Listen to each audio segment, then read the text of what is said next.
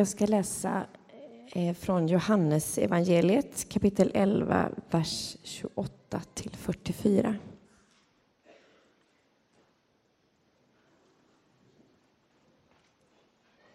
Sedan gick hon hem och kallade på sin syster Maria och viskade Mästaren är här och han kallar på dig. När Maria hörde det steg hon strax upp och gick för att möta honom. Men Jesus hade ännu inte kommit in till byn utan var kvar där Marta hade träffat honom. Judarna som var hemma hos Maria för att trösta henne såg att hon hastigt reste sig och gick ut och de följde efter i tron att hon gick till graven för att gråta där. När Maria nu kom dit där Jesus var och fick se honom kastade hon sig för hans fötter och sa Herre, om du hade varit här hade min bror inte dött. När Jesus såg hur hon grät och hur judarna som hade följt med henne också grät blev han upprörd och skakad i sitt innersta. Och han frågade Var har ni lagt honom? De sa Herre, kom och se. Jesus föll i gråt. Då sa judarna Se hur mycket han höll av honom. Men några av dem sa Kunde inte han som öppnade ögonen på den blinde ha gjort så att Lazarus inte hade behövt dö? Jesus blev åter upprörd och gick till graven. Det var en klipphåla med en sten för öppningen. Jesus sa Ta bort stenen. Den döde syster Marta sa då Herre, han luktar redan. Det har ju gått fyra dagar. Jesus sa till henne Har jag inte sagt till dig att om du tror så ska du få se Guds härlighet? De tog bort stenen och Jesus lyfte blicken mot himlen och sa Fader, jag tackar dig för att du har hört mig. Själv visste jag att du alltid hör mig. Men jag säger detta med tanke på alla de som står här för att de ska tro att du har sänt mig. Sedan ropade han med hög röst. Lazarus, kom ut! Och den döde kom ut med armar och ben inlindade i bindlar och med ansiktet täckt av en duk. Jesus sa åt dem Gör honom fri och låt honom gå. Så lyder det heliga evangeliet. Lovad vare du, Kristus. Jag förenar oss i en bön. Herre, tack för ditt ord. Öppna våra sinnen så att vi känner igen dig. Hur du rör dig i vår värld och i våra liv. Hjälp oss att eh, tro, att ta det till oss. Amen. Om man läser igenom evangelierna eh, så, och liksom jobbar med hur Jesus hanterar olika människor och situationer så slås man av att han oftast är väldigt kall. Det är någon sorts iskyla över honom i positiv mening. Han kan sitta laddat i en situation, mycket människor som här, och så dyker det upp någonting i det läget som uppenbart vill sätta honom på pottkanten. Och det är som om han vet precis vad han ska säga eller göra. Eller som att det kommer någon förbi som han då tar som ett exempel. Och så säger han det så välartikulerat att det kokar över hos några i publiken. Och andra känner att nu blev jag sedd som aldrig någon gång tidigare i mitt liv. Och så är det bara berättelse på berättelse på berättelse. Men han tycks vara så extremt välartikulerad.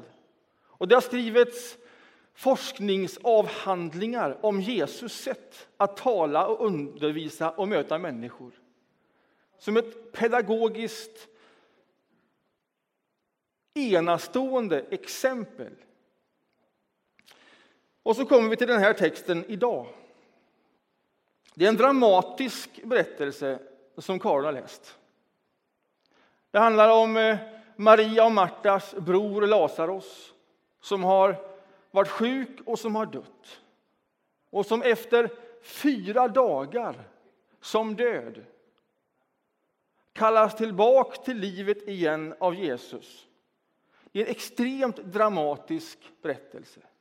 Och ändå när jag läser den texten så är det inte den händelsen som står i fokus.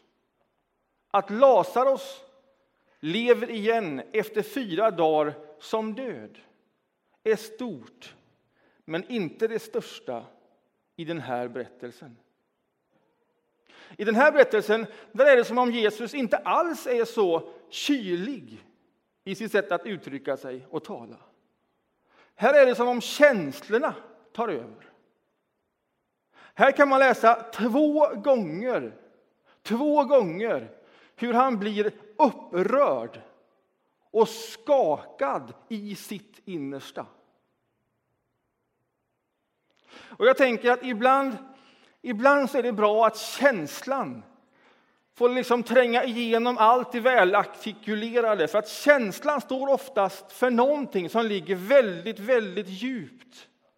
Som inte alltid låter sig kläs med välavvägda ord. Och ibland kommer det som ligger så djupt och som är så viktigt hos oss, som betyder så mycket, det kommer till uttryck genom förtvivlan, eller ilska, eller tårar, eller glädje och skratt. Det är som om orden räcker inte till. Det, måste, det är ett annat språk, ett emotionellt språk. Två gånger så beskrivs hur han blir upprörd, hur han gråter och hur han skakas i sitt innersta. Där tror jag att vi fångar budskapet i den här berättelsen. Vad är det som är så stort? Vad är det som går på Jesus på djupet? Vad är det som gör att han kokar över? Vad är det som gör att han blir så upprörd och skakad i sitt innersta? När han närmar sig byn där Lazarus ligger död och han vet det sedan ett par dagar tillbaka. Han har fått det budskapet. Så möter Marta upp honom innan han kommer fram. Och så säger hon den här meningen. Om du hade varit här hade detta inte skett. Om du hade varit här hade detta inte skett. Och har man läst, har man läst det som står precis före texten så ser man att exakt samma mening upprepas av systern Maria. Hon har gått i förväg, längre ifrån byn och mött Jesus medan Marta var kvar i byn. Och när hon möter Jesus så säger hon ordagrant som sin syster. Om du hade varit här hade det inte skett. Och det är när Jesus möter den meningen och det innehållet. Om du hade varit här hade allting varit annorlunda. Det är när han möter den förkunnelsen i det budskapet som han upprörs och skakas i sitt innersta. Om du hade varit här. Det är inte bara systrarna som upprepar den meningen. Den meningen har upprepats genom årtusenden av många i detta rummet och av många i vår historia. Om du hade varit här, då hade det sett annorlunda ut. Många är vi i detta rum som om vi inte själv sliter med sjukdom och tuffa besked och diagnoser så har vi någon i vår närhet som gör det. Vad är det vi säger då? Om det liksom inte blir bättre, trots våra böner. Ja, någonting i stil med om du hade varit här.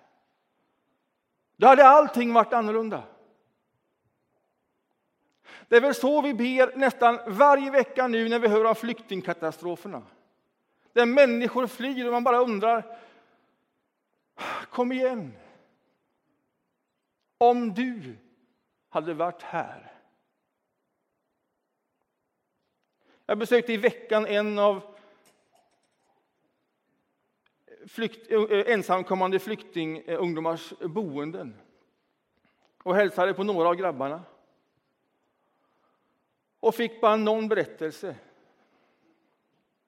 Någon som var 17 år, som hade flytt hit själv, som nu hade varit här en liten stund.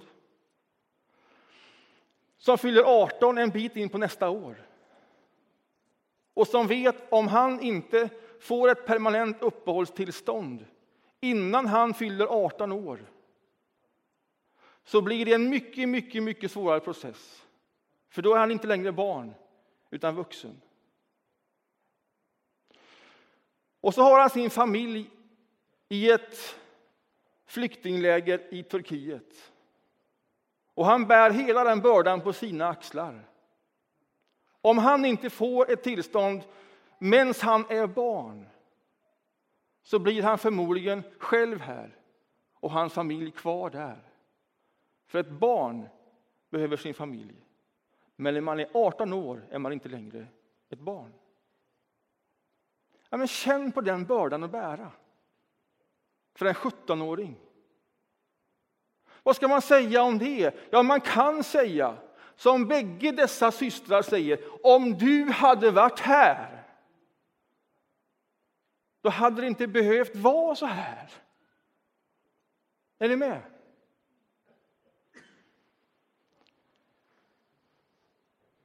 Det är det vi ber varje söndag i vår nattvard när vi sjunger Kyrie. Herre, förbarma dig. Om du hade varit här. Vad är det Jesus blir så upprörd över? Jag tror att han blir så upprörd över sakernas tillstånd. Att det är så här. Att det är så här att han inte är överallt. Att han blir skakad i sitt innersta över hur det faktiskt ser ut i vår värld. Över orättvisorna. Över att kropparna inte håller ihop. Det är som om han blir skakad när diskrepansen kommer nära honom med hur det skulle kunna vara och hur det faktiskt är. För systrarnas mening rymmer så mycket tro. Om du hade varit här. Det är svårt att uttrycka sig mer trosstarkt och trosfullt än så. Och han vet ju att det är sant. Och han vet att en gång då ska Gud bli allt i alla. Han vet att en gång då ska Gud bo ibland alla dessa människor emellan oss. Och då ska Gud torka alla tårar och inget lidande ska finnas mer. Och det ska vara uppenbart för alla människor. Inga frågetecken längre.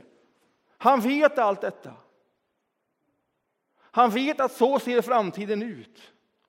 Och han vet att han kommer liksom från framtiden och han ger en glimt av den i vår värld, i hans närvaro. Men den är inte överallt helt och fullt som den en gång ska vara.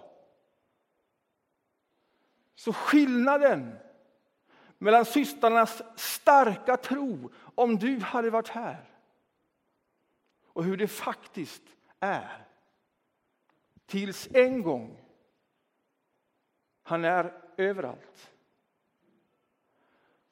Det är som om det kommer liksom nära honom, drabbar honom Och han blir upprörd och skakad över sitt, i sitt innersta. Detta är, vår, detta är läget. Liksom. Detta är läget. Han rörs i sitt innersta och han gråter. När vi lider, lider också Gud. När vi gråter, gråter också Jesus. Du är aldrig ensam. Han finns närvarande i allt det som sker i ditt liv. Är det allt att säga, undrar du? Nej, det är inte allt att säga. Men det är inte lite att säga. Han finns där. Han vet vad det är. Han känner din förtvivlan. Han känner din ilska, liksom han känner din glädje. Han vet vad det är och din frustration delar han med dig. Han kokar över på sakernas tillstånd. Är det allt att säga? Nej, han blir upprörd en gång till. Och den här gången, den här gången så blir han upprörd över kommentarer som några ger honom. När han nu är på väg mot graven där Lazarus ligger. Och nu är någon som säger liksom från sidan, kunde inte han som botade en blind ha hjälpt Lazarus? Det är liksom samma sorts mening som upprepas när han sitter fastspikad på ett kors och någon säger andra kunde han hjälpa, men sig själv kliv ner om du kan. Det är samma sorts mening. Och när den meningen smyger in från sidan, då kokar det över igen. Då är det som om den meningen den går rakt på vem han är. Och det är då han bara går ännu snabbare fram till graven för att genomföra det undret som han kom dit för att göra. Vad är det han blir upprörd över? Jo, när det smyger in en fråga om vem han är. Då tänder han till. Då väcker han upp en människa som har varit död i fyra dagar. Så stor är den frågan för honom. Och någonstans förstår han att den kommer. Någonstans förstår han naturligtvis att människor uttrycker sin tvekan och tvivlan över honom. Eftersom fler än Lazarus dör och lider. Och ändå, ändå så tickar han igång. När frågan ställs till honom ifrågasättande om vem han är. Som om han inte var kapabel. Som om han inte skulle genomföra det som nu har påbörjats så att det en gång slutförs och blir som det är förkunnat och tänkt. Då går det på hans person. Då vill han visa dem vem han är. Och han vill inte bara visa dem där och då. Han vill visa hela världen och alla som kommer efter, de som just är här. Han vill visa oss som läser samma berättelse. Detta är vem jag är. Så hur mycket du än säger, hur mycket du än lever i känslan och upplevelsen om du hade varit här, så säger han, jag vet det. Jag är i den känslan själv. Jag känner allt det, men låt inte det få smyga in som tvivel och frågetecken om vem jag faktiskt är. Att jag är sänd av Gud. Att jag är Guds son. Och att det som är påbörjat en gång ska slutföras. Var så säker! Och så väcker han upp en människa efter fyra dagar som död. Och det stora undret, det stora budskapet är ändå inte det. Det sker för att han bara går igång när man börjar undra över vem han är.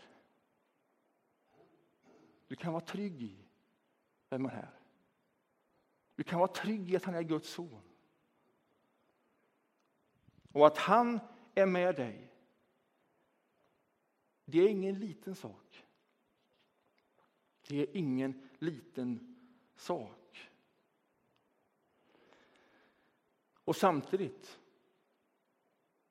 så ber vi frimodigt.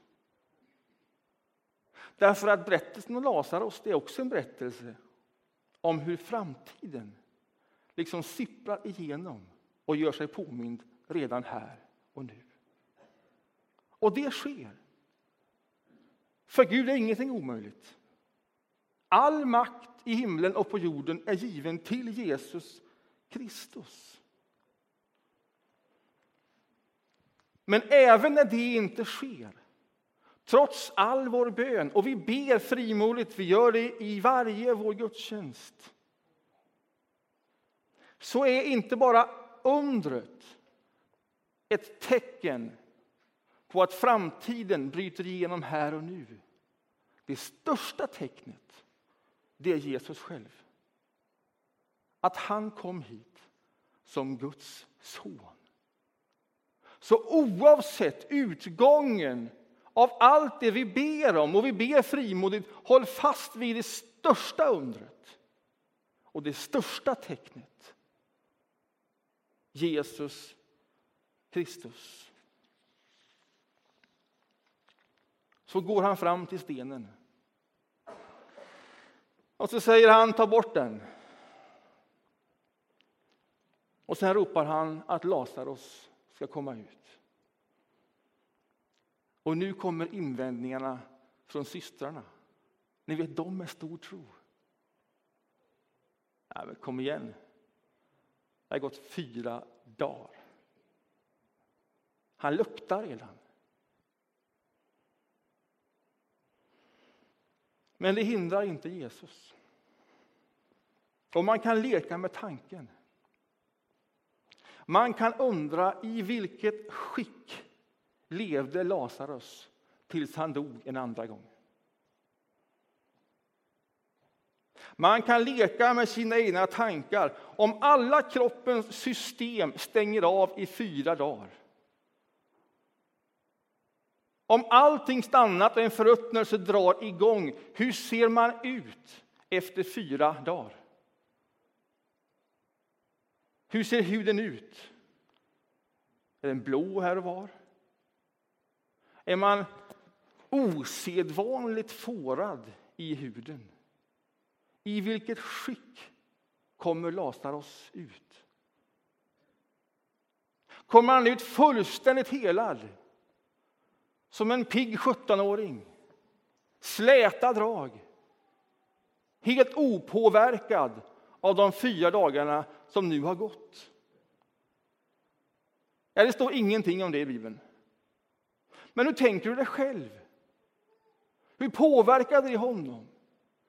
Gick han runt med tecken på sin kropp som ett tecken på det som han hade varit med om? Som också det blev en del i förkunnelsen om detta stora underverk. Oavsett. Han fick liksom en andra chans. Och han kanske, inte otänkbart, var ärrad och haltade och huden hängde och var fårad och kanske inte så fager, vad vet jag? Men det hindrar inte Gud från att bruka honom en gång till. Det är inget dåligt budskap heller. Vi är i gott sällskap. Alla vi som inte är i så himla gott skick. Alla vi som har våra skavanker, mentala och kroppsliga.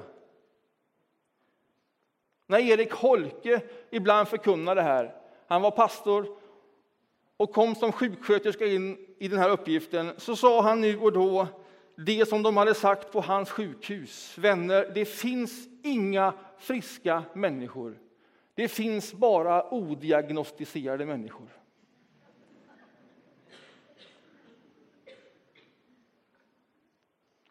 Och så är det väl. Vi är väl alla de odiagnostiserade människorna.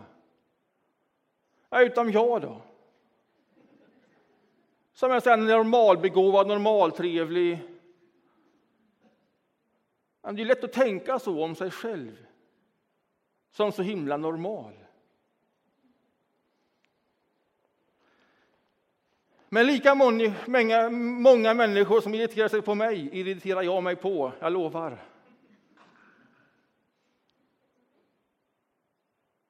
För vi är ett gäng odiagnostiserade människor med alla våra skavanker, kroppsliga och mentala. Vi arbetar med det. En del saker ber vi för och om frimodigt. Nu och då bryter framtiden igenom och vi ser ett under. Men det är mer än nu och då som framtiden bryter igenom. Hos alla oss. Hos alla oss som tror på Jesus Kristus har framtiden brutit igenom. Så att vi alltid står med ett ben i framtiden och ett ben i nutiden. Det är vårt liv. Och berättelsen om Lazarus, den står där av ett enda skäl. För att du ska tro på det. Och när du nästa gång ropar, om du hade varit här. Fortsätt att ropa. Fortsätt att be. Men tveka inte på att han är hos dig som Guds sände son. Oavsett. Och det som har påbörjats, det ska slutföras. Det är ingen liten sak. Det är ett evangelium.